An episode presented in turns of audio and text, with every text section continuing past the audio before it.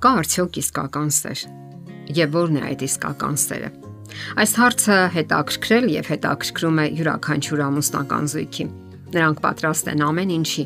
միայն թե զգան այդ սերը, պահպանեն այն ողջ կյանքում, սիրեն եւ սիրված լինեն։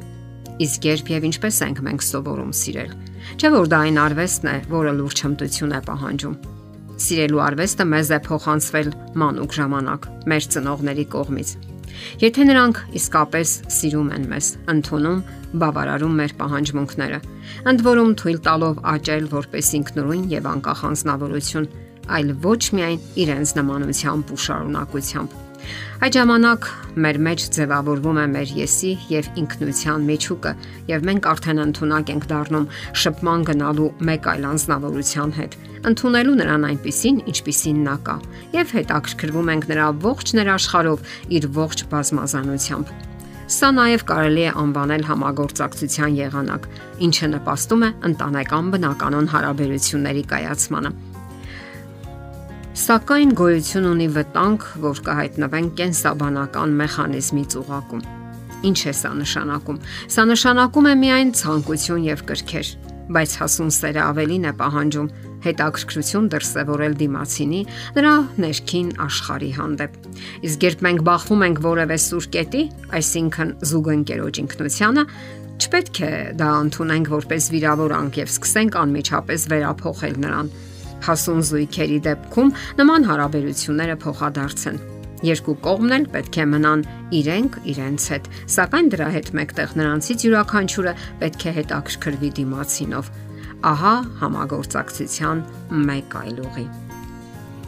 Շատերը թյուրիմացաբար կիրքն են ընդունում սիրո տեղ։ Հասկանալի է, որ շատ զույգերի մոտ սիրային հարաբերությունները սկսվում են ֆիզիոլոգիական կրքով։ Բուրըն ապրումների այս ժամանակն է, որ շատերն այնքան կլանված են զգացմունքներով, որ իրենց հաշիվ չեն տալիս այն բանում, թե ինչպիսի մարդ է գտնվում իրենց կողքին։ Նրանք պարզապես սնվում են իրենք իրենցով, իրենց ապրումներով։ Մի քանի տարի հետո հորմոնների խտությունը նվազում է զույգի առաջ այժմ երկու ճանապարհ կա՝ կամ ուսումնասիրել միմյանց, կամ մղվել դեպի այլ ուժեղ հույզերի ոլորտ որպես թմրանյութ։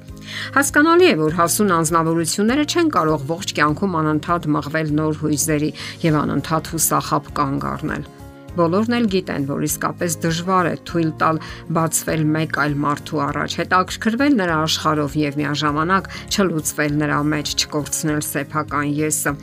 այն անznավորությունը, ով անբավական է իրենից, անվստահ է իր ուժերի հանդեպ, հարկավոր են կրքեր, որոնք լցնում են իր ներսը։ Իսկ եթե դրանք չկան, նա հսկայական միայնություն է զգում եւ ձգտում է նորից ու նորից լցնել այդ դատարկությունը վառ ապրումներով։ Ահա թե ինչու իսկապես սիրել մեկ այլ մարդու ընդունակ են միայն այն մարդիկ, ովքեր ինքնաբավարարված են, անկախ ու ազատ։ Ահա թե ինչ է տեղի ունենում առաջին փոթորիկներից հետո Երբ արյան մեջ նվազում է հորմոնների քանակը, մենք սկսում ենք տեսնել մարդուն իր ողջ թերություններով։ Ահա թե ինչու շատերը 1-2 տարի հետո բաժանվում են կամ նորից ամուսնանում։ Իսկ իրականում սերը ոչ թե անհետանում է, այլ վերափոխվում։ Առաջանում է հարգանքը, անկալումն ու համագործակցությունը։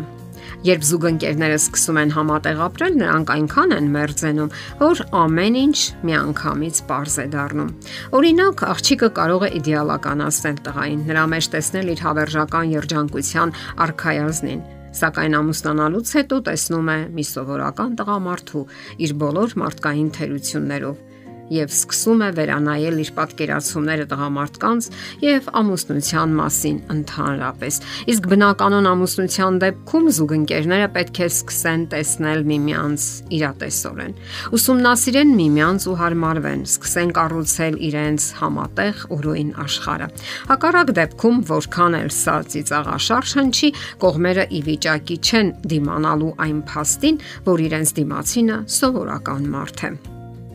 որն է ելքը։ Բախվելով իրականությանը հարկավոր է իրատեսական մոտեցումներ ունենալ, այլ ոչ հեքիաթային կամ այլ կերպ ասած մանկական։ Հարկավոր է հաղթահարել հիասթափությունը կամ ավելի ճիշտ կլինի, եթե ասենք հրաժարվել պատրանքներից։ Թույլ տվեք ձեզ երջանիկ լինելու ստեղծեք այդ հնարավորությունը։ Իմաստ չունի անմիջապես այս ու այն կողմ վազել եւ որոնել կատարյալ մարդում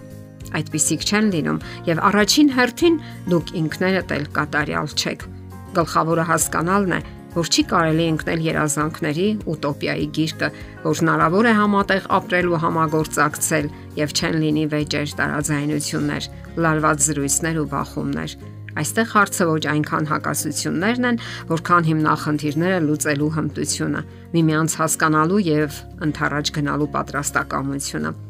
Յուրաքանչյուր հարաբերություն ինչ որ իմաստով հենց համագործակցություն է։ Այդ թվում նաև ամուսնությունը, երբ կարգավորում եք համատեղ կյանքի բոլոր մանրամասները։ Այդ համագործակցության համար կարևոր է նաև դիմացինին գնահատելը, ցույց տալը, թե որքան կարևոր եք միմյանց համար։ Հաճախ պետք է ասեք, թե որքան եք գնահատում դիմացինի ծառայությունները, որ նա անում է ձեզ համար եւ հարկավոր է հաճախ մի կողմ թողնել հեռախոսն ու համացանցը եւ շփվել նրա հետ, ով ձեր կողքին է։ Սեր եւ համագործակցություն։ Իհարկե, հնարավոր է։ Եթերում է ընտանիք հաղորդաշարը։